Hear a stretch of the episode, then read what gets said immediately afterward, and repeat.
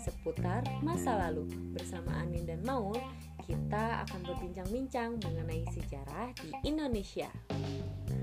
Khusus episode pertama ini, kita bakal bincang tentang organisasi pergerakan di Indonesia yaitu Sarekat Islam. Jangan lupa stay terus di podcast ini dan simak materinya ya. Pertama, kita akan bahas organisasi awal pergerakan, yaitu Sarekat Islam. Jadi, gimana sih awal mula organisasi ini? Sarekat Islam didirikan oleh Haji Samanhudi pada tahun 1911.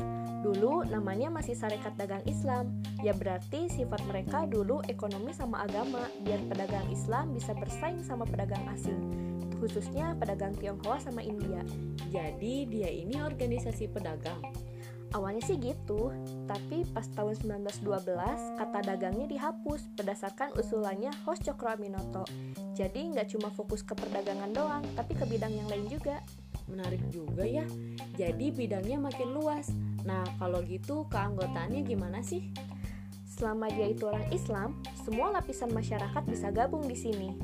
Oh iya, di bawah beliau juga, Sarekat Islam itu berkembang pesat sampai keluar Surabaya, kayak Solo, Semarang, sama Cirebon.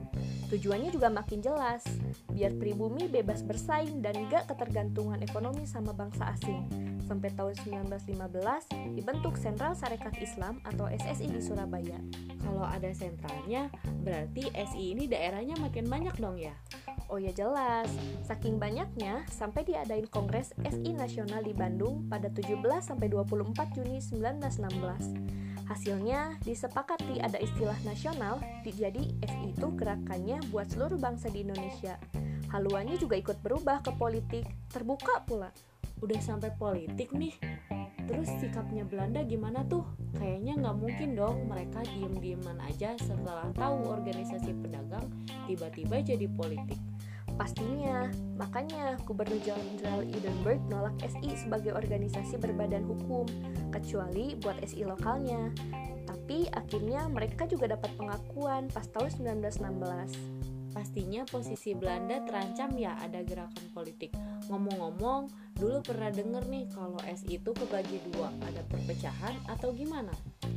Singkatnya tuh gini, SI kan makin terkenal tuh, apalagi mereka nentang banget praktek kapitalisme. Nah, ini tuh narik perhatian ISDV. Sniflit Yusuf masuk, dia juga berhasil masukin Semaun sama Darsono. Nah, suatu saat orang-orang ISDV yang ada di itu kritik masalah SI yang terlalu kooperatif sama Belanda dan minta mereka buat non-kooperatif. Nah, dari situ ada gesekan ya di antara mereka.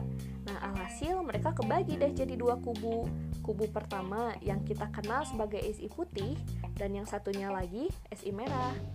Nah, Semaun sama orang-orang yang haluannya kiri dia dikeluarin dari jadi jadi SI itu si SI merah tuh berubah jadi Perserikatan Komunis Hindia. Nah, sedangkan si SI putih dia ganti nama jadi PSI atau Partai Sarekat Islam. Nah, setelah kita ngobrol-ngobrol tentang SI, gimana nih menurut kalian? Silahkan diskusi di grup ya. Bila ada pertanyaan, boleh tanyakan di grup atau di Google Classroom. Sampai jumpa di episode berikutnya. Bye. Bye.